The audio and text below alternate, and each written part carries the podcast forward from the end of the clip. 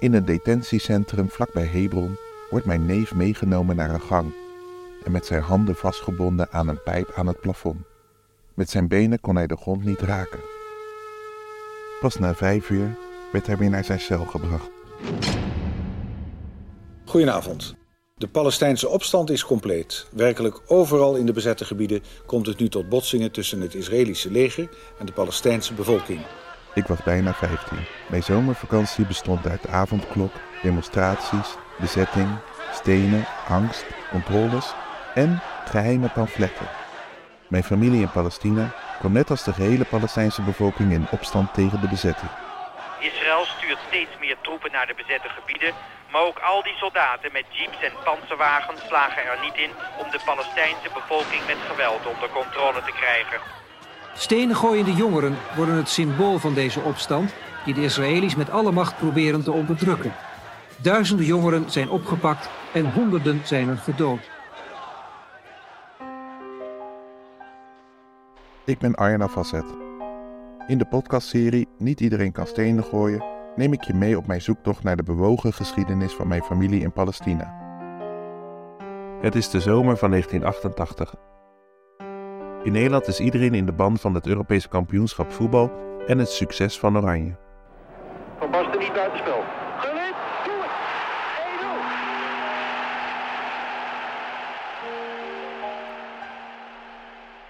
1-0. Halverwege het toernooi reis ik met mijn ouders naar Palestina. Ik was bijna 15 en zat op de middelbare school. Elke dag ging ik met mijn neven de stad in. Er was een algemene staking en alle winkels gingen om 12 uur dicht uit protest. Die zomer was de eerste intifada in volle gang.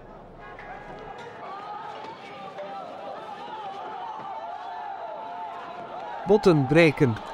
Officieel beleid in de praktijk en door de camera vastgelegd. Beelden uit door Israël bezette gebieden die de wereld schokken en een storm van protest losmaken.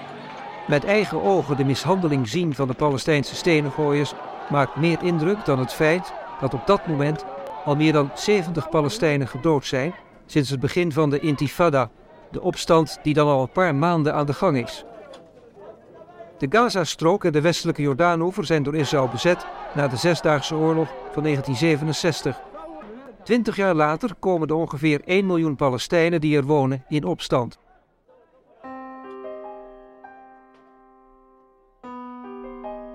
Het woord intifada betekent letterlijk beving of opschudding.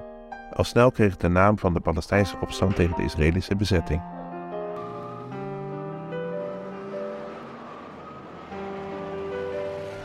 Tijdens ons verblijf in Ramallah gingen we met onze neven de straat op. Ik vond het spannend en wist niet wat ik kon verwachten.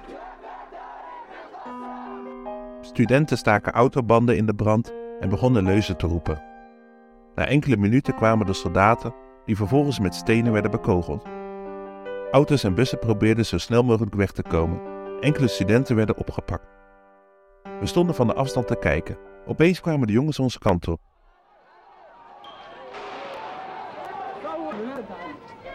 Er werd tegen ons gezegd dat als de soldaten de hoek omkomen, wij vooral rustig moesten blijven en zeker niet moesten gaan rennen. We liepen langzaam naar het einde van de straat. Een groep jongeren rende ons voorbij, linksaf door de bosjes en de tuin. We gingen naar rechts. Ik zag de soldaten achter ons aankomen. Ze waren zwaar bepakt. We liepen rustig door alsof er niets aan de hand was. Toen de soldaten ons hadden ingehaald, werden we hard tegen de muur aangedrukt. We moesten onze papieren laten zien en onze handen openvouwen. Hiermee moesten we bewijzen dat we geen stenen hadden gegooid. Er zat geen wit gruis aan mijn handen. Ik had geen steen aangeraakt. Toen ze zagen dat we uit Nederland kwamen, boden ze hun excuses aan. De studenten waren weggerend en wij hadden ons gewillig door de intifada laten gebruiken voor dit spel. In de verte hoorden we schoten en zagen we witte pluimen van traangas.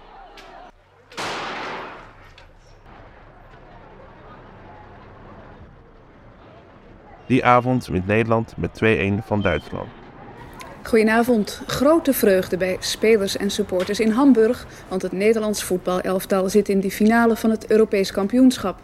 In een uitverkocht volksstadion won Nederland met 2-1 van West-Duitsland door doelpunten van Ronald Koeman en Marco van Basten.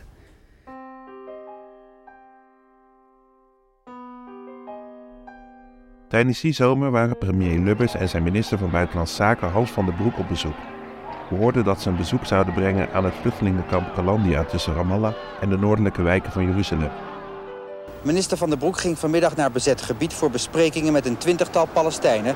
die allemaal aanhangers zijn van de Palestijnse bevrijdingsorganisatie PLO.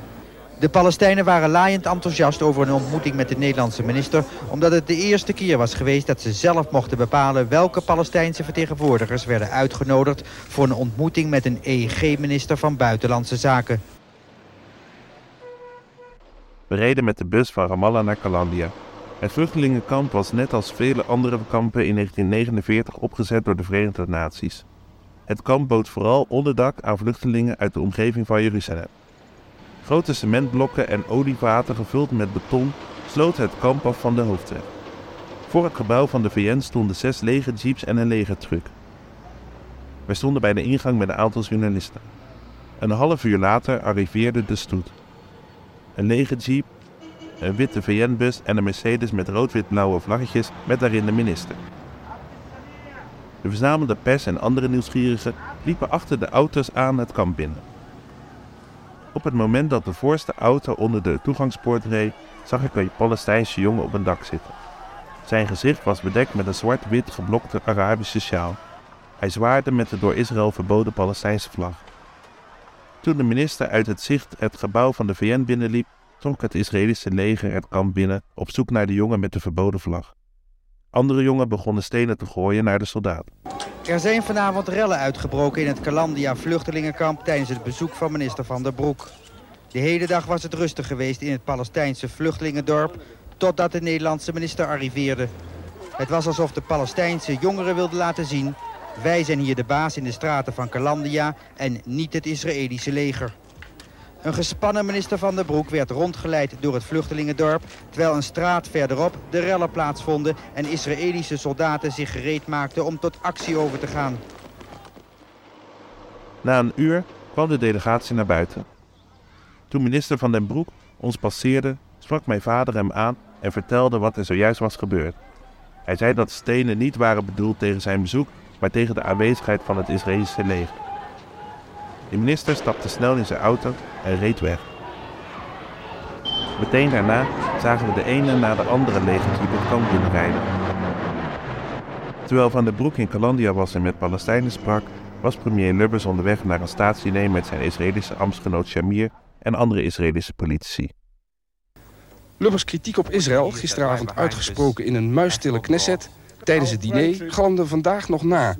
Lubbers zei in het parlementsgebouw dat Israël de Palestijnen moet betrekken bij vredesoverleg. De Israëlische politiek in de bezette gebieden, met geweld en onderdrukking van verzet, leidt tot niets. Een paar maanden later bezocht mijn vader Calandia opnieuw. Het ging niet zo goed met de gezondheid van mijn oma. Tijdens zijn verblijf had mijn tante hem gevraagd of hij haar vriendin Khadija in Calandia kon bezoeken. Zij leidde een vrouwencoöperatie die met traditioneel Palestijns beduurwerk wat geld probeerde te verdienen voor families van gevangenen. Khadija wist dat de Palestijnse Nationale Raad, het Palestijns parlement in ballingschap, in november van dat jaar bijeen zou komen. Ze wilde van die gelegenheid gebruik maken om Palestijnse leiders een boodschap mee te geven. Vergeet ons niet. Ze vroeg mijn vader of hij een paar honderd geborduurde boekenleggers mee kon nemen naar Nederland. Deze boekenleggers met de tekst 1 jaar intifada zouden dan via een vertegenwoordiger van de PLO in Den Haag worden afgeleverd.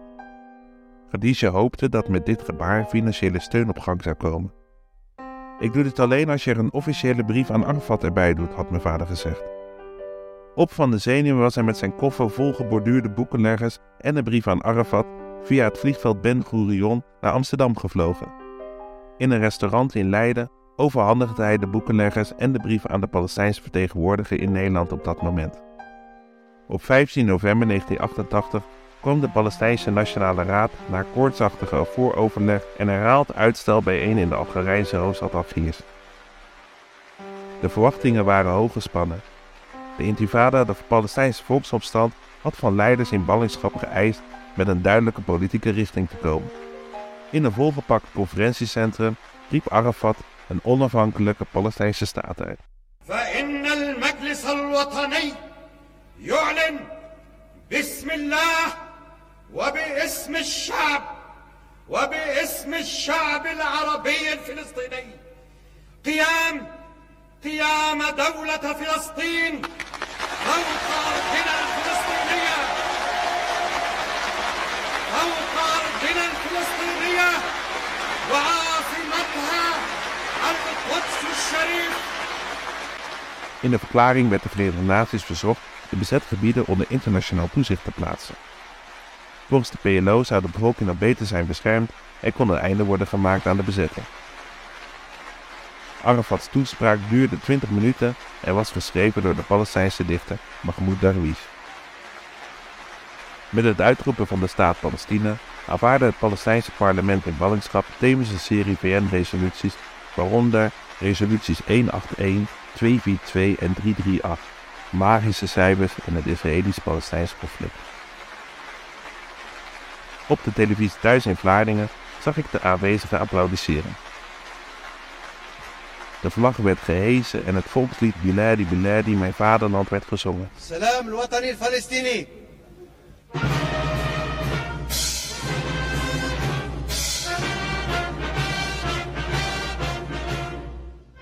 Op de tafels lagen de boekenleggers uit Hollandia.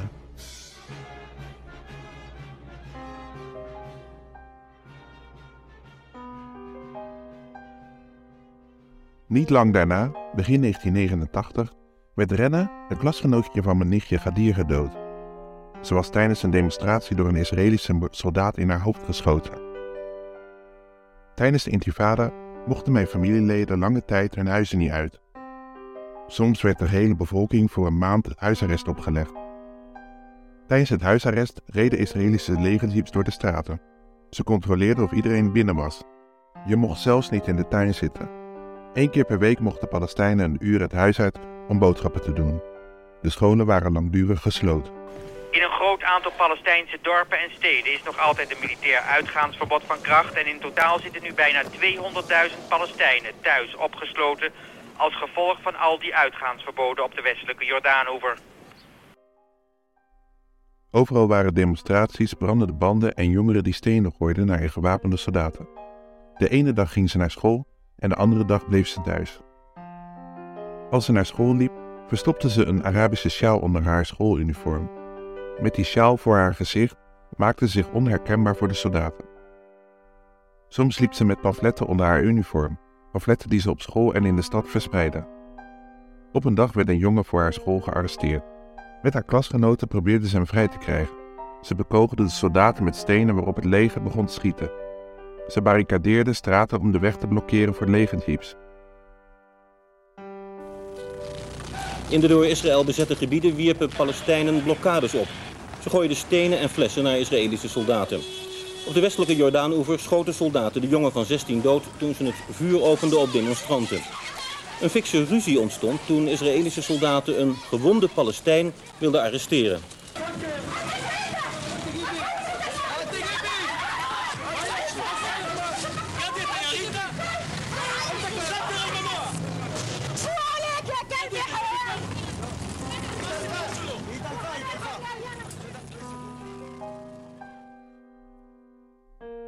Tijdens de intifada werden duizenden Palestijnen opgepakt. Alleen al in het eerste jaar arresteerde het Israëlische leger meer dan 50.000 Palestijnen. Ter vergelijking, dat is tien keer zoveel als in Zuid-Afrika datzelfde jaar. De meeste gevangenen werden vastgehouden zonder enige vorm van proces of aanklacht. Intussen kwam het in de bezette Palestijnse gebieden dit weekende weer tot hevige gevechten. Aanleiding was een arrestatiecampagne van het Israëlische leger. Tientallen Palestijnse actievoerders werden opgepakt omdat het leger aanwijzingen had dat ze de komende week grote demonstraties op touw wilden zetten. De arrestatiegolf lokte veel protest uit.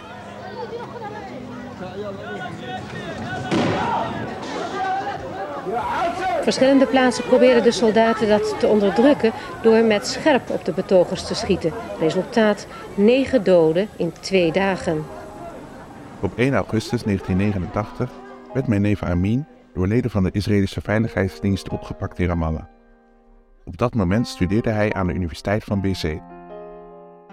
Vier dagen later werd hij van Ramallah overgebracht naar een detentiecentrum in de buurt van Hebron. Zijn verhoor duurde bijna een maand. Hij kreeg een zak over zijn hoofd en moest met zijn handen vastgeboeid op zijn rug urenlang buiten staan. Tijdens zijn verhoor werd hij zwaar mishandeld. Hij werd met zijn hoofd tegen de muur geslagen en kreeg elektrische schokken toegediend. En hij verloor geregeld zijn bewustzijn. De rest van de tijd bracht hij door in een cel van 1 meter bij 2. In de cel was geen matras of iets op de grond. Elke vijf minuten bonkte iemand op de deur. Slapen was daardoor onmogelijk.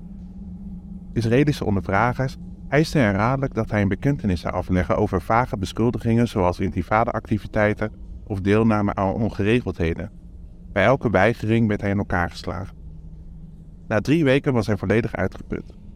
Hij vroeg tevergeefs om een dokter, maar de martelingen gingen door. Zijn hoofd en lijf werden met een stok bewerkt, zijn benen werden vastgebonden en zijn voeten kapot geslagen. Steeds vaker verloor hij zijn bewustzijn. Hij moest voortdurend overgeven en voelde hevige pijn bij zijn lever. Uiteindelijk werd hij naar een dokter gebracht en overgeplaatst naar de ziekenboeg van de gevangenis. De dokter vond dat hij naar een ziekenhuis moest, maar na vier dagen belandde hij gewoon weer in zijn cel. Pas toen zijn gezondheid nog verder achteruit ging, mocht hij naar het ziekenhuis. Mijn oom en tante kregen pas na een week toestemming om hun zoon te bezoeken. Zijn gezicht was verzwollen, zijn voeten waren verbrijzeld en zijn rug zat onder de blauwe plekken. Niet lang daarna werd hij vrijgelaten.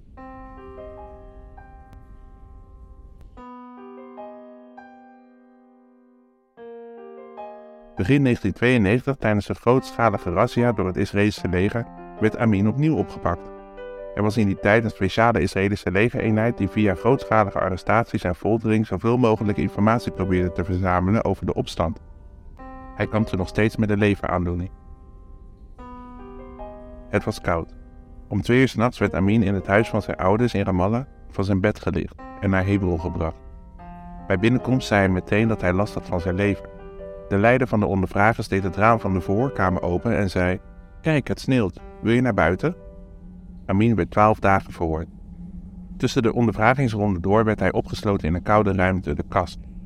Hij zat urenlang met een zak over zijn hoofd, met zijn handen geboeid op zijn rug, op een kleine stoel die zo schuin stond dat hij er steeds van afgleed. Deze veelgebruikte marteltechniek wordt shabe genoemd. Om het half uur kwam een bewaker binnen om te voorkomen dat mijn neef in slaap zou vallen. Tijdens zijn verhoor overleed een medegevangene, Mustafa Akawi. De militaire de rechter had net besloten dat deze gevangene nog acht dagen langer vastgehouden kon worden in plaats van de dertig dagen waar het leger om gevraagd had. Nog geen twaalf uur na de zitting stierf Akawi aan een hartaanval. Akawi had na de uitspraak van de rechter 7,5 uur in een ijskoude gang moeten verblijven. Met een zak over zijn hoofd en zijn handen op de rug was hij nog twee uur ondervraagd. You know, we have uh, spoken about torture since 1967, about severe torture by the security services. We've brought up cases. We have uh, shown in every court that there are torture, also in the international uh, different bodies. And yet it was always denied. Toen zijn gezondheidstoestand verder achteruit ging, gaf de gevangenisarts de opdracht Amin over te plaatsen naar een warme ruimte. Zijn ondervragers gaven hier alleen gehoor aan wanneer de arts in de buurt was. Ze dreigden hem dat hij hetzelfde zou overkomen als Mustafa Akawi. Hij kreeg soms een dag geen water en hij at bijna niets. Eten werd in een wc gezet en tijdens verhoren werd hij meegenomen naar een gang en met zijn handen vastgebonden aan een pijp aan het plafond. Vijf uur lang hing hij zo zonder dat zijn benen de grond konden raken. Vier dagen na zijn tweede arrestatie kreeg hij maagproblemen en moest hij constant overgeven. Hij werd overgebracht naar een ziekenhuis in Jeruzalem, waar hij na zeven uur vastgebonden aan een bed in zwakke toestand weer teruggebracht werd naar zijn cel in Hebron. De volgende dag werd hij voorgeleid bij een Israëlische militaire rechtbank. Hij kon niet meer lopen of zitten. In de rechtszaal moest hij een paar keer overgeven. Hij had overal pijn en was kortademig. Hij stond op instort. De rechter bepaalde dat zijn verhoor nog maximaal vier dagen mocht duren. De dag erna bracht de advocaat van Amin de zaak bij de Israëlische Hoge Raad. And until we got together with some human rights organizations and we brought together many cases of torture to the Israeli Supreme Court and we, we demanded to show that it is a um, system Op 21 februari 1992 werd hij vrijgelaten. Op het moment dat hij zonder een aanklacht tegen hem was ingediend de gevangenis verliet, beet een hoge officier hem toe. Maak dat je wegkomt. Sterf thuis, niet hier. And it took us about seven years before the Supreme Court of Justice was forced to come out with a declaration that yes, there is torture. Yes, the torture is systematic. And yes, it is illegal. In de volgende aflevering van deze podcastserie neem ik je mee naar de dag dat mijn vader aankwam in Nederland. Al-Fassad komt in 1963 naar Vlaardingen om te werken in een margarinefabriek. Daar werkt hij nog steeds als in 1967 de Zesdaagse Oorlog uitbreekt. Israël verovert grote stukken land op de Arabieren, waaronder de Gazastrook en de westelijke Jordaanoever. Er komt een volkstelling en omdat Al-Fassad dan niet fysiek in Nablus aanwezig is, krijgt hij geen verblijfsvergunning. 90.000 Palestijnen raken zo hun thuisland kwijt. Wat dit voor mijn vader betekent en hoe mijn familie in Palestina uit de oorlog is gekomen, hoor je in de volgende aflevering van Niet iedereen kan stenen gooien.